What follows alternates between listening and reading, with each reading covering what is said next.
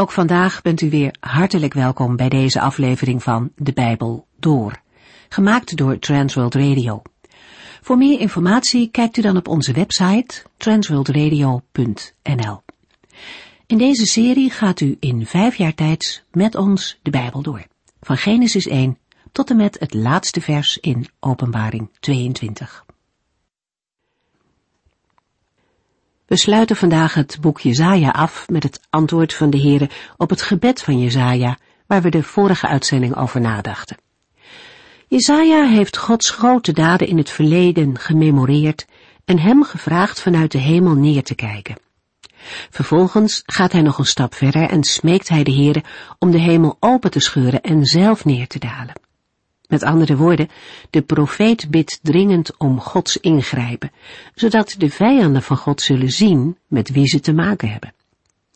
Al biddend erkent Jezaja dat God zwijgend te maken heeft met de zonde van het volk. Wij zijn niet goddelijk, wij zondigen voortdurend en wij blijven dat ons hele leven doen, zegt de profeet.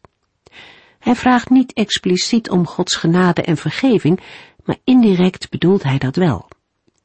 Opvallend is ook dat Jezaja niet belooft dat het volk de zonde na zal laten. De nood is zo ontzettend groot dat er maar één uitweg is. De hulp moet van de Heere komen. Alleen zijn ingrijpen kan redding brengen. En dan komt er een andere toon in het gebed. En toch, zegt Jezaja, en toch, Heere, bent u onze vader. Wij zijn de klei en u bent de pottenbakker. Wij zijn allemaal gevormd door uw hand. En wat een vertrouwen spreekt daar dan weer uit. Enerzijds de erkenning dat de Heere de schepper is, en tegelijkertijd ook het besef dat die almachtige schepper onze vader wil zijn. Zelfs als het helemaal verkeerd gegaan is. De Heere vormt ons met zijn liefdevolle, vaardige handen. En wat niet goed is, verwijdert hij, zodat we steeds meer gaan lijken op het beeld dat hij voor ogen heeft. Ooit schiep God de mens naar zijn beeld. En ook nu is hij bezig ons zodanig te vormen dat we meer en meer op hem gaan lijken. We lezen verder in de laatste twee hoofdstukken van Jesaja. In de slothoofdstukken van Jesaja blijkt dat de Heere zich helemaal niet afzijdig houdt van zijn volk. Hij zal zijn volk herstel geven. Hij zal niet langer een vijand zijn, maar weer opnieuw de verlosser. Zijn ingrijpen zal zo krachtig en indrukwekkend zijn dat niets meer hetzelfde blijft. Het volk wordt vernieuwd en het land wordt herbouwd. Ja, zelfs heel de schepping, hemel en aarde, Israël en de andere volken, mensen en dieren, delen in zijn uiteindelijke verlossing. Een perspectief dat ver uitstijgt boven de terugkeer uit de Babylonische ballingschap. Het is een perspectief en een vervulling die nog in de toekomst ligt. Maar het gebed van Jezaja heeft een nog veel verdere rijkwijde. Het gebed beoogt ook een vernieuwing van Israël, inclusief het land dat zij uit Gods hand hebben ontvangen. In Jesaja 65 en 66 staan thema's als verlossing en oordeel en daarmee ook scheiding centraal. Daarnaast speelt Jeruzalem een belangrijke rol. Het is de stad die een heerlijk herstel zal krijgen, een werkelijkheid die zich nog in de toekomst zal voltrekken. Jesaja 65 en 66 wordt niet alleen antwoord gegeven op de vragen uit het smeekgebed van Jesaja, maar komen ook lijnen uit alle delen van het Bijbelboek Jesaja samen. Sommige van die lijnen zijn al in Jesaja 1 uitgezet en daarmee vormt Jesaja 65 en 66 een afsluiting van het hele Bijbelboek. Tussen Jesaja 65 en 66 is een opmerkelijk verschil aan te wijzen. In Jesaja 65 wordt gesproken tot de goddelozen en over Gods dienaren. In Jesaja 66 is het precies andersom. Daar wordt tot Gods dienaren gesproken over de goddelozen. Nadat de Heer in Jesaja 65 vers 1 tot en met 7 de redenen van zijn toorn omschrijft, maakt hij in Jesaja 65 vers 8 tot en met 16 duidelijk dat hij onderscheid maakt tussen rechtvaardigen en onrechtvaardigen En dat wordt gevolgd in Jesaja 65 vers 17 tot en met 25 door het vooruitzicht van vernieuwing. Over de precieze indeling van Jesaja 66 is meer discussie, maar daarover meer bij de bespreking van Jesaja 66. Jesaja 65 vers 1 De Heere zegt, mensen die voorheen nooit naar mij vroegen, zijn nu naar mij op zoek. Ik word gevonden door mensen die mij nooit eerder zochten. Tegen mensen die mijn naam niet kenden, zeg ik, hier ben ik. In vers 1 spreekt de Heere zelf. In het vervolg blijkt wat er aan de hand is. De oorzaak van de verwijdering ligt niet bij de Heere, maar bij het volk. De Heer is juist bereid zich te laten vinden voor wie hem willen zoeken. Paulus past deze woorden toe op niet-Joden, die de Heere niet kenden, maar hem toch hebben gevonden. Deze toepassing maakt Paulus vanuit de praktijk in zijn dagen. De profetie van Jezaja blijkt in zijn tijd ook voor niet-Joden te worden gerealiseerd. Zo onderstreept de apostel Paulus in het verband van Romeinen 10 dat de Heere ook Israël op het oog heeft en een rest tot geloof zal brengen. Jezaja 65 vers 2 Maar mijn eigen volk is een ongehoorzaam en dwars volk, waarna ik de hele dag mijn handen uitgestrekt houd.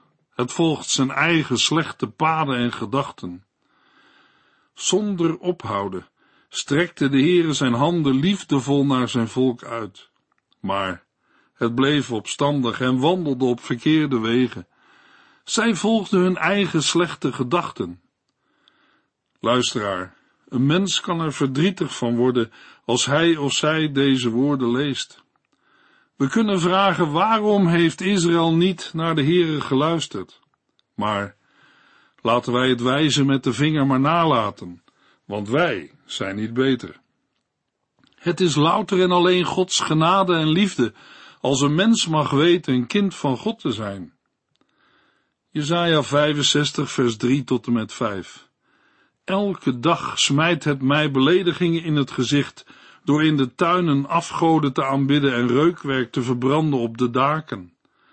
S'nachts begeven ze zich tussen de graven en grotten om boze geesten te vereren. Ze eten varkensvlees en ander verboden voedsel. Toch zeggen zij tegen elkaar, kom niet te dichtbij, anders verontreinig je mij, want ik ben heiliger dan jij. Ik kan ze niet meer zien. Dag in dag uit maken ze mij toornig. Wat de opstandigheid van Israël inhield, wordt in de volgende verse uitgewerkt. Het gaat om gebruiken die samenhangen met de verering van afgoden. Het is beledigend voor de Heere en wekt zijn boosheid en toorn op. Volgens de wet van God mochten altaren buiten het centrale heiligdom alleen gemaakt zijn van aarde of ongehouwen steen. De altaren waarover in Jezaja wordt gesproken voldoen niet aan die voorschriften. Het is een blijk van minachting voor de Heere en zijn heiligheid. Leviticus 10 laat zien dat offers te maken hebben met Gods heiligheid. De desinteresse voor de Heere blijkt verder uit slaap- en eetgewoonten. Mogelijk ging dat gepaard met voorouderverering of het raadplegen van de doden. Toverij en dodenbezwering kwamen in de godsdienst van Canaan veel voor. Verder wordt in vers 4 gesproken over het eten van varkensvlees, wat uitdrukkelijk ingaat tegen de voedselwetten van Leviticus 11 vers 7 en Deuteronomium 14 vers 8. De climax van de negatieve beschrijving ligt opvallend genoeg niet in daden, maar in woorden. Met hun woorden stellen de overtreders zichzelf boven anderen en denken dat ze heiliger zijn. Daaruit blijkt dat er onderscheid moet worden gemaakt tussen een wetsgetrouwe groep, die in Jesaja 63 en 64 aan het woord was, en de mensen die in Jesaja 65 worden aangesproken. Jesaja 65 vers 6 en 7 Kijk, het ligt zwart op wit voor mij. Ik zal niet blijven zwijgen, ik zal het hun betaald zetten. Ja, ik zal het hun grondig betaald zetten, niet alleen hun eigen zonden, maar ook die van hun vaders, zegt de Heere. want die verbranden ook reukwerk op de daken en beledigden mij op de heuveltoppen.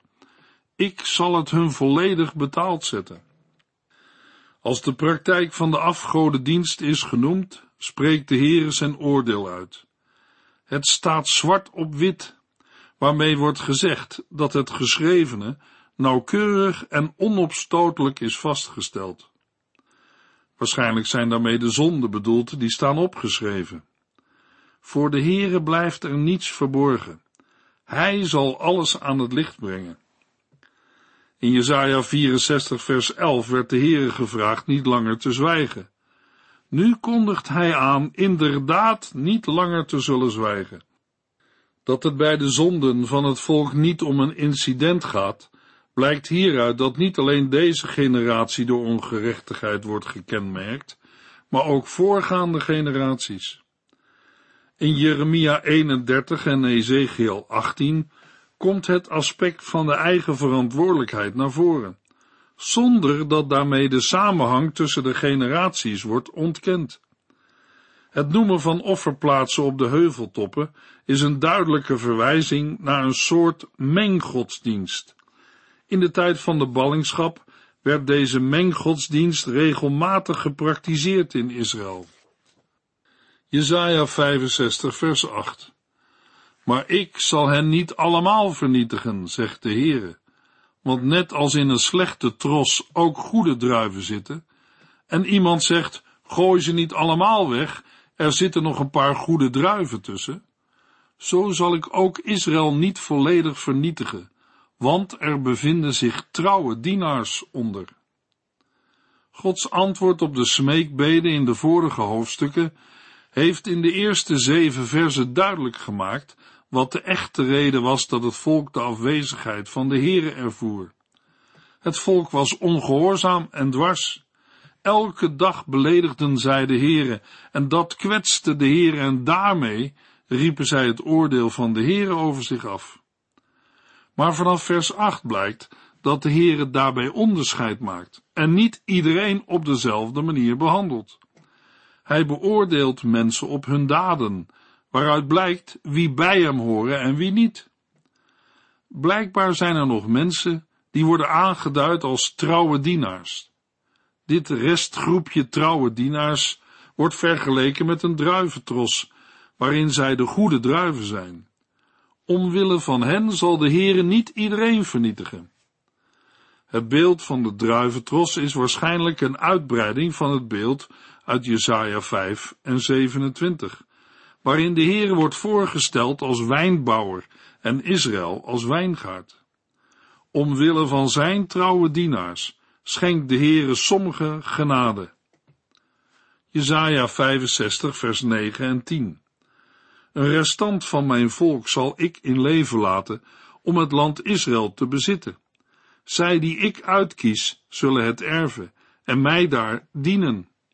Voor hen die mij hebben gezocht, zullen de velden van Saron weer gevuld zijn met schaapskudden, en in het dal van Agor zullen de runderen grazen. Dan maakt de Heere bekend aan wie hij de zegen zal geven. Zij die ik uitkies, zullen het erven en mij daar dienen. In de Hebreeuwse tekst van vers 9 worden de dienaars mijn uitverkorenen genoemd. Deze belofte is waarschijnlijk gegeven met het oog op een periode waarin Israël het land niet of niet volledig in bezit heeft en wijst vooruit niet alleen naar een concrete inname van het beloofde land, maar ook naar de woonplaats die de Heere voor zijn toekomstige volk aan het klaarmaken is, de nieuwe aarde.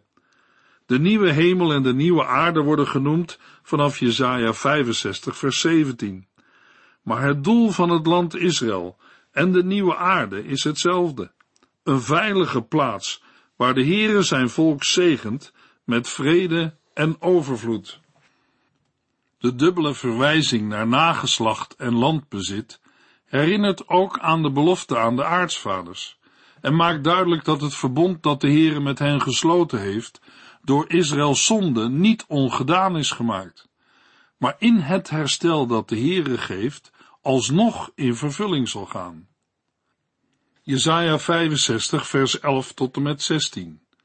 Maar omdat de rest van u de tempel van de Heere heeft verlaten, en afgoden van het noodlot en het hiernamaals aanbidt, zal ik u door het zwaard doen sterven, en staat de dood u te wachten.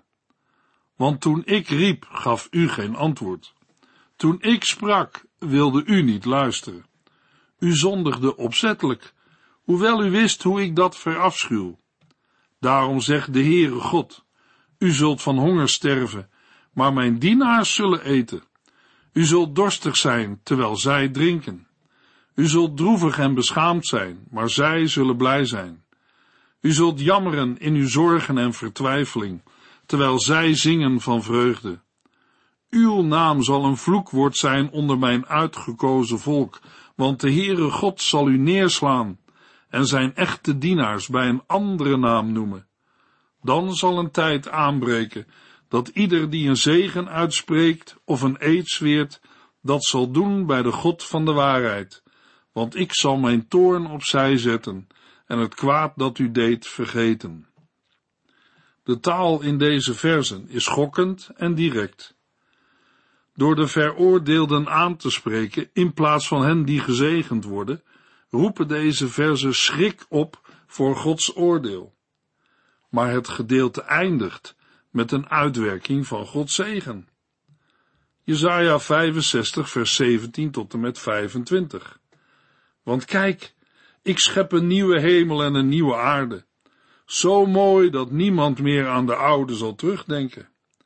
Wees blij, verheug u voor altijd in mijn schepping. Kijk, ik zal Jeruzalem veranderen in een plaats van geluk, en haar inwoners zullen een en al blijdschap zijn. En ik zal mij verheugen in Jeruzalem en in mijn volk, en het geluid van klagen en jammeren zal daar niet meer worden gehoord. Baby's zullen niet meer enkele dagen oud sterven. Mannen die honderd jaar worden, zullen er niet oud uitzien. Alleen zondaars zullen op een dergelijke leeftijd sterven. In die dagen zal een man blijven wonen in het huis dat hij heeft gebouwd. Het zal niet worden verwoest door vijandige invallen, zoals in het verleden. Mijn volk zal wijngaarden planten en de opbrengst ervan zelf eten. Zijn vijanden zullen het niet in beslag nemen. Want mijn volk zal net zo lang leven als de bomen, en het zal lang genieten van de opbrengsten van het harde werk. De oogsten zullen niet worden gegeten door hun vijanden. Hun kinderen zullen niet worden geboren om te vroeg te sterven, want zij zijn de kinderen van hen die de Heere heeft gezegend. Voordat ze mij roepen, zal ik hun al antwoord geven. Terwijl zij nog tegen mij praten over wat zij nodig hebben, zal ik al beginnen hun gebeden te verhoren. De wolf en het lam zullen samen eten. De leeuw zal stro eten als een os. Giftige slangen zullen stof eten. In die dagen zal niemand meer worden gewond of vernietigd. Want op mijn heilige berg zal geen kwaad meer geschieden, zegt de Heer. Terwijl in vers 16 sprake is van een vergeten van de ellende van het verleden en van de verlossing waar het volk zo naar verlangt, blijkt in de versen 17 tot en met 25 dat het herstel nog veel grootser is. Er wordt een panorama van een heerlijke toekomst geschetst. In de beschrijving van het visioen van de nieuwe hemel en de nieuwe aarde in het Bijbelboek Openbaring, met het nieuwe Jeruzalem dat neerdaalt uit de hemel, keren verschillende formuleringen uit de slotverzen van Jesaja 65 terug. Het uitzien naar een herstel, dat zich niet alleen uitstrekt tot de mensheid, maar dat ook de hele schepping omvat, vinden we ook in Romeinen 8. We gaan verder met Jesaja 66. In Jesaja 66 wordt Gods antwoord op het gebed in Jesaja 63 voortgezet. Met veel anderen zien wij Jesaja 66 vers 1 tot en met 6 als een eenheid, gevolgd door een uitgebreide beschrijving van een geboorte in de versen 7 tot en met 14. In de versen 15 tot en met 17 gaat het over de komst van de Here en in de versen 18 tot en met 24 over Gods plan met de wereld. Jesaja 66 vers 1 tot en met 6. De hemel is mijn troon, zegt de Heer, en de aarde mijn voetenbank. Welke tempel kunt u voor mij bouwen, die mij tot een huis zou kunnen zijn om daarin te wonen? Mijn hand heeft dat alles toch gemaakt, ze zijn mijn eigendom. Toch rust mijn oog op de man met een nederig en verslagen hart, die beeft voor mijn woord. Maar zij die hun eigen wegen kiezen en behagen scheppen in hun zonden, zijn vervloekt. God zal hun offers niet aanvaarden. Als mensen een os offeren op het altaar van God, is het net zo min aanvaardbaar voor hem als een mensenoffer. Als zij een lam offeren of een graanoffer brengen, is dat voor God hetzelfde als wanneer zij een hond of het bloed van een zwijn op zijn altaar leggen. Als zij reukwerk voor hem verbranden, rekent hij hun dat aan, alsof ze een afgod zegenen.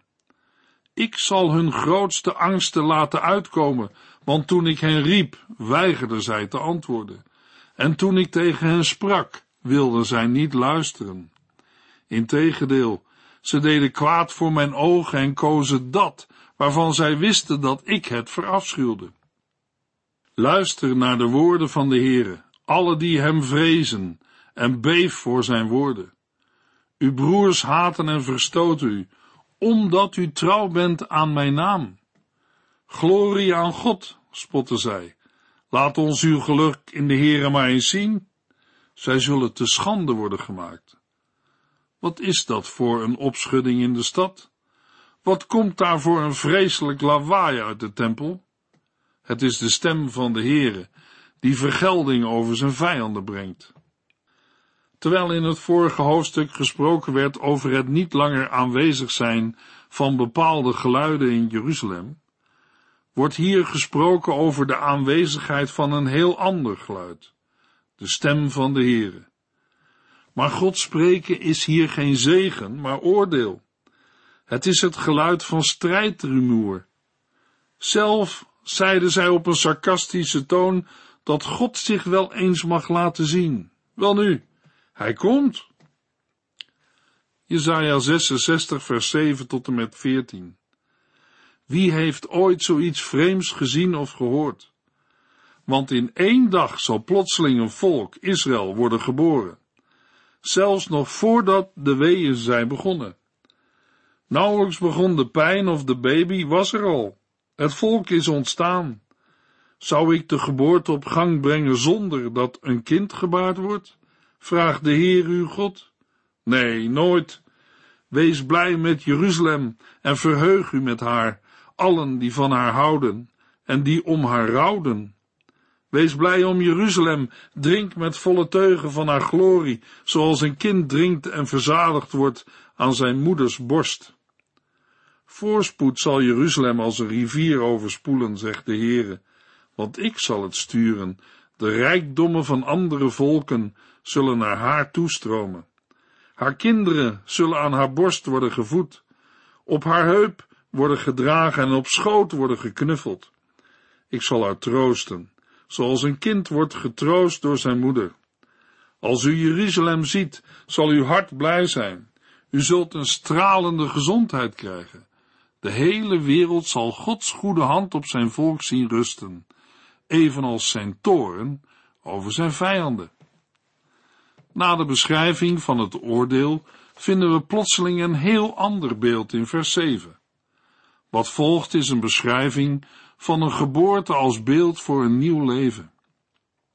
In vers 15 tot en met 17 lezen we dat de Heere komt en dat heeft gevolgen voor Gods vijanden. De beschrijving van de concrete zonden zijn eerder aan de orde geweest. De daders zullen ten onder gaan. Jesaja 66 vers 18 Ik zie heel goed wat zij doen. Ik weet wat ze denken. Daarom is het tijd geworden alle volken rond Jeruzalem te verzamelen, waar ze mijn glorie zullen zien. Nadat in de voorgaande gedeelte de bestemming beschreven is van een trouwe rest uit Israël en van Gods vijanden, wordt in vers 18 tot en met 21 de blik gericht op de volken. Nu blijkt dat de Heere met alle volken een plan heeft. Hij zal komen en hen samenbrengen met als doel aan hen zijn heerlijkheid en majesteit te tonen. Israël zal Gods glorie bekend maken onder de volken. Jesaja 66 vers 22 tot en met 24. Zo zeker als mijn nieuwe hemel en aarde zullen bestaan, zo zeker zult u voor altijd mijn volk zijn, met een naam die nooit zal verdwijnen. De hele mensheid zal mij week in, week uit, maand in, maand uit komen aanbidden. Zij zullen uitgaan en de dode lichamen zien van hen die tegen mij opstonden. Want de worm die aan hen knaagt zal nooit sterven. Hun vuur zal niet doven, en zij zullen een vreselijke aanblik vormen voor de hele mensheid. De centrale gedachte in vers 22 is dat Israël blijft voortbestaan. In Genesis 1 is de schepping voltooid als de Heere Sabbat houdt. En ook de nieuwe schepping lijkt voltooid te worden met een Sabbat. In Jesaja wordt duidelijk dat Gods eer ook tot zijn recht komt in het rechtvaardige oordeel over allen die niet van de Heere willen weten. Nergens in het Oude Testament wordt de ondergang van de goddelozen zo beeldend aangeduid als in Jesaja. Wie niet luistert naar de komende spruit, de knecht en de veroveraar, wacht het oordeel. Het is een indringende waarschuwing het niet zo ver te laten komen en roept daarmee op tot bekering. Hiermee zijn we aan het einde gekomen van de bespreking van het Bijbelboek Jesaja. In de volgende uitzending maken we een begin met het Bijbelboek Thessalonicense. U heeft geluisterd naar De Bijbel Door, in het Nederlands vertaald en bewerkt door Transworld Radio. Een programma waarin we in vijf jaar tijd de hele Bijbel doorgaan. Als u wilt reageren op deze uitzending of u heeft vragen, dan kunt u contact met ons opnemen. Tijdens kantooruren kunt u bellen op 0342 47 8432. 0342 47 8432. Ook kunt u een e-mail sturen naar de Bijbel door at transworldradio.nl en natuurlijk kunt u ook via de post ons bereiken. TWR, postbus 371, postcode 3770, AJ in Barneveld. Dit programma werd gepresenteerd door Cor Weda en Ike André. Techniek was in handen van Odin van Voerkom. En wij allemaal bedanken u voor het luisteren. Graag tot de volgende keer.